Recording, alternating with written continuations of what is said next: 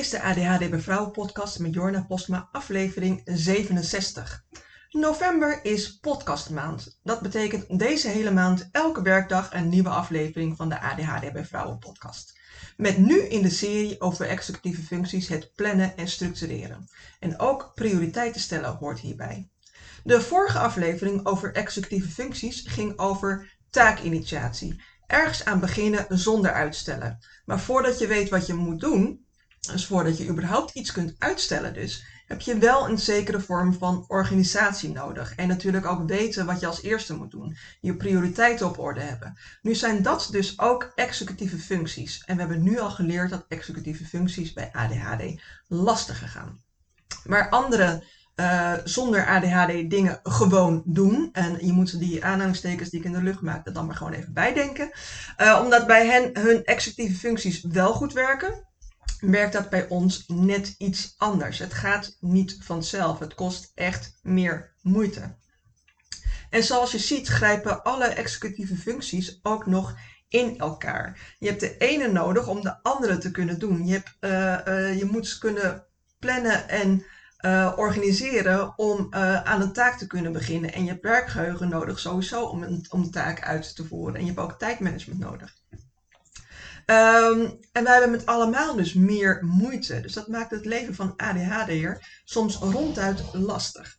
Vooral ook omdat mensen naar elkaar kijken voor herkenning en erkenning. En om te leren. Als ik als neurodivers persoon, wat ADHD dus eigenlijk is, probeer te leren van een neurotypisch persoon, dan is dat alsof ik wil proberen bruine ogen te krijgen door het gedrag van iemand met bruine ogen te kopiëren.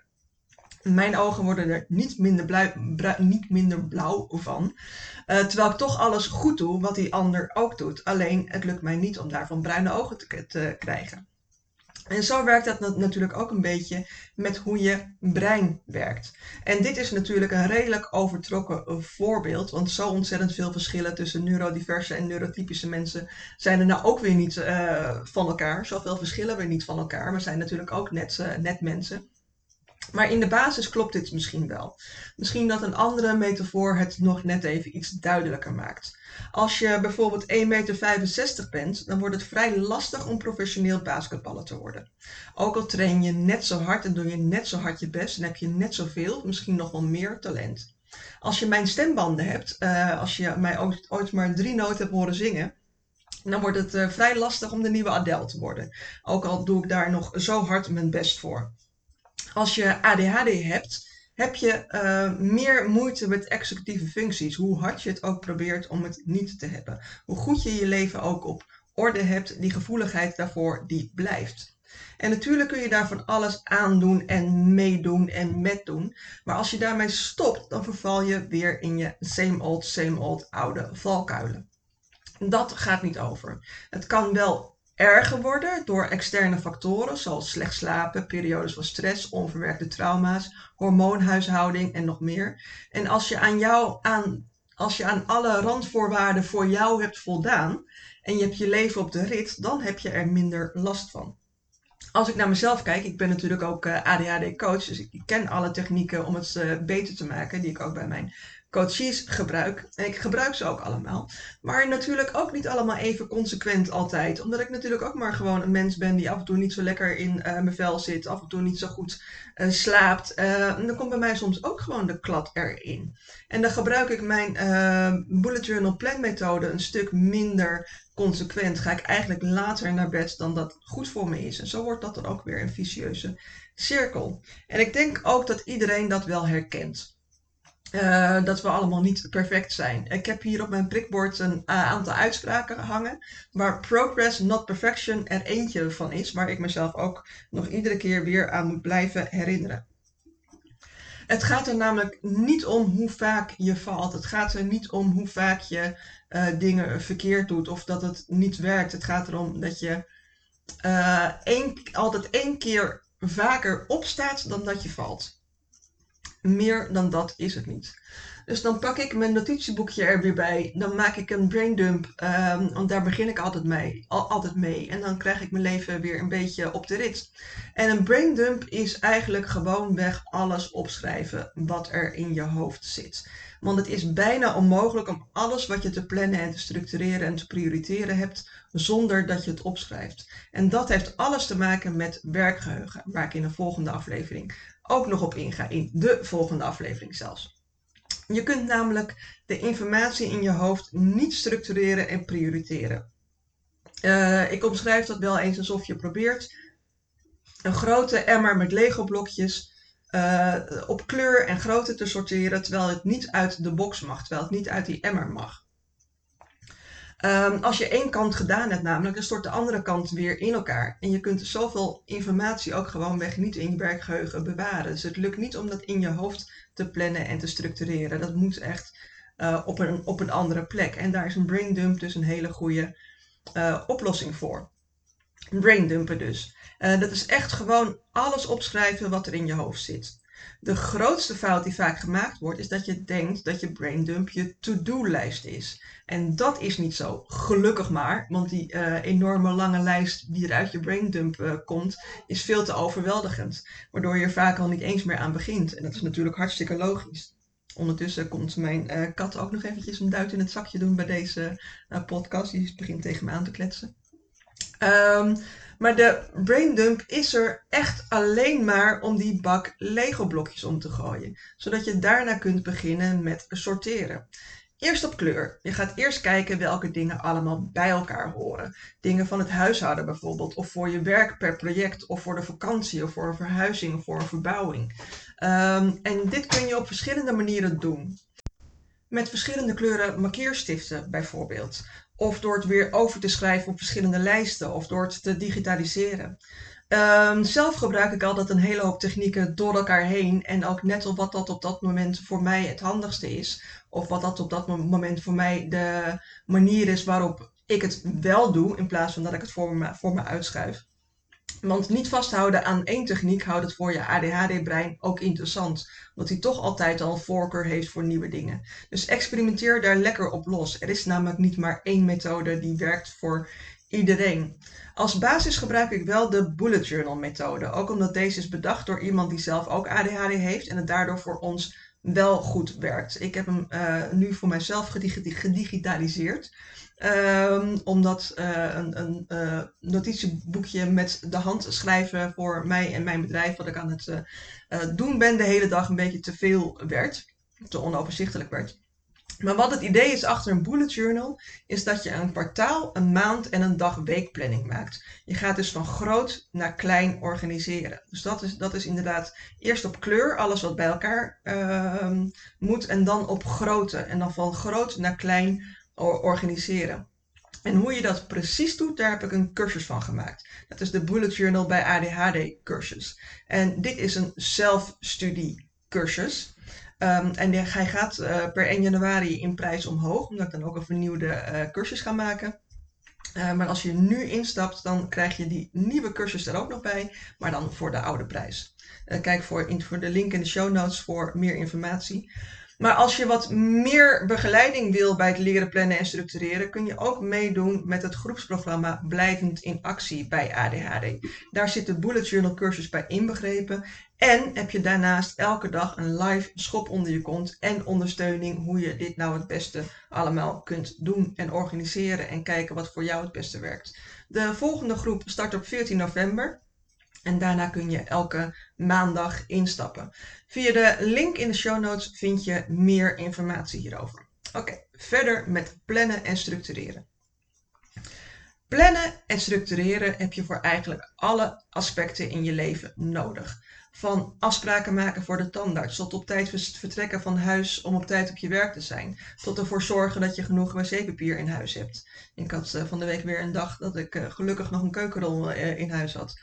Um, want ik vergeet dat laatste nog wel eens overigens. Best lastig. Uh, maar als dat niet je sterkste punt is, dan is dat dus wel eens lastig. Dan kom je overal te laat. Of bedenk je pas om half zes dat je nog geen eten in huis hebt voor vanavond. Um, uh, of dan ga je te laat naar bed, terwijl je wel weer vroeg op moet de volgende dag. Dus plannen en structureren heb je echt wel nodig. Routines zijn daarin heel erg belangrijk. Daar ga ik in een latere aflevering over werkgeheugen ook nog verder op in. En in een aflevering over routines ook. Ik raad namelijk altijd aan om als je begint met plannen, maar maximaal drie dingen op te schrijven op je to-do-lijst voor die dag omdat het altijd nog beter is om drie dingen wel te doen dan om 15 dingen op te schrijven die je niet doet. Een hele lange to-do-lijst die werkt vaak verlammend. Um, en ik heb ook een uh, mini-cursus plannen bij ADHD, waarin ik in, in uh, vier dagen met je deze eerste stappen ga doen, van braindump tot, tot inplannen en dat soort dingen. En ik raad altijd uh, uh, aan dus om inderdaad maar met drie dingen te beginnen. En schift ook in wat je belangrijk vindt. Wat is belangrijker? Dat je op tijd bij de tandarts bent of dat je je nagels lakt voordat je de deur uitgaat? Dat is misschien een heel raar voorbeeld, helemaal als je geen ADHD hebt en hier naar luistert. Maar vaak gebeuren dit soort uh, bizarre dingen in een ADHD-hoofd. Wel, als je je prioriteiten niet helemaal helder hebt. Dat je dan vijf minuten voordat je de deur uit moet op het lumineuze idee komt om nog even je nagels te lakken, omdat ze er niet uitzien nu. En ik, ik kijk nu naar mijn eigen nagels en dat uh, klopt wel. Um, maar dat is dus wel een beetje hoe, hoe, je, hoe een ADHD-hoofd werkt. Van, oh nee, dat kan ik nu nog wel even doen. En dat heeft ook weer met tijdmanagement te maken. Um, en daar ga ik ook nog een andere aflevering over executieve functies over maken. Als stotteraar is dat echt een rot woord om te zeggen. En om onderscheid te maken in dingen die belangrijk zijn, kun je bijvoorbeeld ook de matrix van Eisenhower gebruiken. Ik heb er op eh, Instagram al een keer een post over gemaakt. Um, en de matrix van Eisenhower, dat, de, Eisenhower was trouwens een oud uh, president van de Verenigde Staten. En die heeft een matrix gemaakt. Um, dat wil zeggen dat je twee lijnen trekt, eentje horizontaal en eentje verticaal, zodat je een kruis hebt. Linksboven heb je, schrijf je boven urgent en belangrijk. Rechtsboven schrijf je niet urgent, belangrijk. Linksonder schrijf je urgent, niet belangrijk. En rechtsonder schrijf je niet urgent, niet belangrijk. De meeste taken linksboven, dus urgent en belangrijk, die doen we wel. Dat zijn de dingen als fysieke afspraken, deadlines en brandjes die je moet, moet plussen. Linksonder, dus urgent maar niet belangrijk, die doen we vaak ook. Terwijl het niet per se belangrijk is voor ons. Maar het voelt urgent en met een deadline en daar zijn we gevoelig voor. Dit zijn dingen als telefoontjes die je moet uh, plegen of, of, dat jij gebeld wordt, uh, want dat is no nog erger, dat is namelijk niet in jouw tijd. Of die ellenlange vergaderingen bijwonen. Of bijvoorbeeld werken vanuit je inbox, dat je je inbox als to-do-lijst ziet. En vooral ook, wat hier ook in hoort, is problemen van anderen oplossen, want ook daar zijn we vaak heel erg goed in. Eh, rechtsboven is niet urgent, maar wel belangrijk. Dat zijn zaken die je moet inplannen en eventueel opdelen in kleine stukjes, zodat het behapbaar is. Dit kunnen zaken zijn op je werk, maar bijvoorbeeld ook in je privésfeer. Bijvoorbeeld dat je je gezin wel belangrijk vindt, maar de brandjes op je werk vaak veel urgenter zijn, waardoor je veel te vaak aan het werk bent en je gezin je nauwelijks ziet. Dit is natuurlijk wel een heel schrijnend voorbeeld, maar ook dit komt vaker voor dan je denkt. Een ander voorbeeld hiervan is uh, zelfzorg. Dat je zorgt voor genoeg slaap, genoeg rustmomenten voor jezelf, goede voeding en voldoende lichaamsbeweging. Als je dit niet inplant, dan gebeurt het vaak niet omdat andere dingen belangrijker zijn, of in ieder geval belangrijker voelen, in ieder geval urgenter zijn. Uh, mijn insteek is altijd om te beginnen met tijd voor jezelf in te plannen. Na de urgente en belangrijke dingen, voordat je andere dingen voorrang geeft, zodat je zelf niet de sluitpost bent.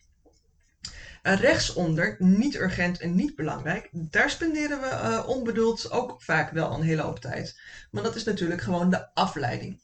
Maakt niet uit op welke manier je afleiding zoekt. Of het nou is dat je veel tijd doorbrengt op je telefoon, of eindeloos zit te browsen, of lekker Netflix te bingen. Waarbij er voor alles natuurlijk een tijd en een plaats is. Ik hou ook heel erg van uh, series bingen. Lekker tv kijken en hangen kan ook bij zelfzorg horen. Als je daarin maar wel de maat weet te houden. Um, en gebruik deze matrix van Eisenhower ook om te kijken in welke categorie de taken van je braindump vallen. En dus ook om te kijken welke er wel en welke er niet in je planning horen. Heel vaak zijn ADHD'ers ook een kei in het niet nee kunnen zeggen. Dus in het hoog houden van steeds meer ballen en geen idee hebben welke ze kunnen laten vallen. En daar helpt prioriteren bij. kijken wat jij nou echt belangrijk vindt en wat echt belangrijk is. Want sommige dingen lijken belangrijk, maar zijn het niet. En daar kun je dan mee aan de gang gaan in je planning. Wat moet er nou echt gebeuren? Dit is best lastig. En het is ook niet echt een taak die je maar één keer doet en er daarna van af bent. Het is net zoals wasgoed. Het jongt vanzelf wel weer uh, aan. Daarom is het ook goed om je te realiseren dat het oké is dat niet alle taken van je braindump afkomen. Dat het oké is dat je to-do-lijst altijd weer aanjongt. Dat hoort zo. Um, ik kan echt uren vertellen over uh, plannen en structureren bij ADHD. Uh, daarom heb ik dus die cursus, die bullet journal cursus gemaakt. Omdat dat een laagdrempelige manier is om ermee aan de gang te gaan. En ook uh, de Blijft in Actie coachingprogramma heb ik er ook bij gemaakt. Juist omdat ik merkte dat sommige mensen meer hulp daarbij nodig hebben. En om daar een routine van te maken. Want plannen en structureren is bij ADHD echt een stuk lastiger. Nou ja, het lukt vaak wel om een planning te maken, maar het uitvoeren van die planning is vaak een probleem, omdat de planning onrealistisch is. Of omdat de taken die erop staan veel te groot en overweldigend zijn. En dat is ook een goede reden om het helemaal niet te doen natuurlijk. Althans, dat vindt ons brein. Die kan namelijk altijd wel honderd andere dingen bedenken dan dingen die op je to-do-lijst staan.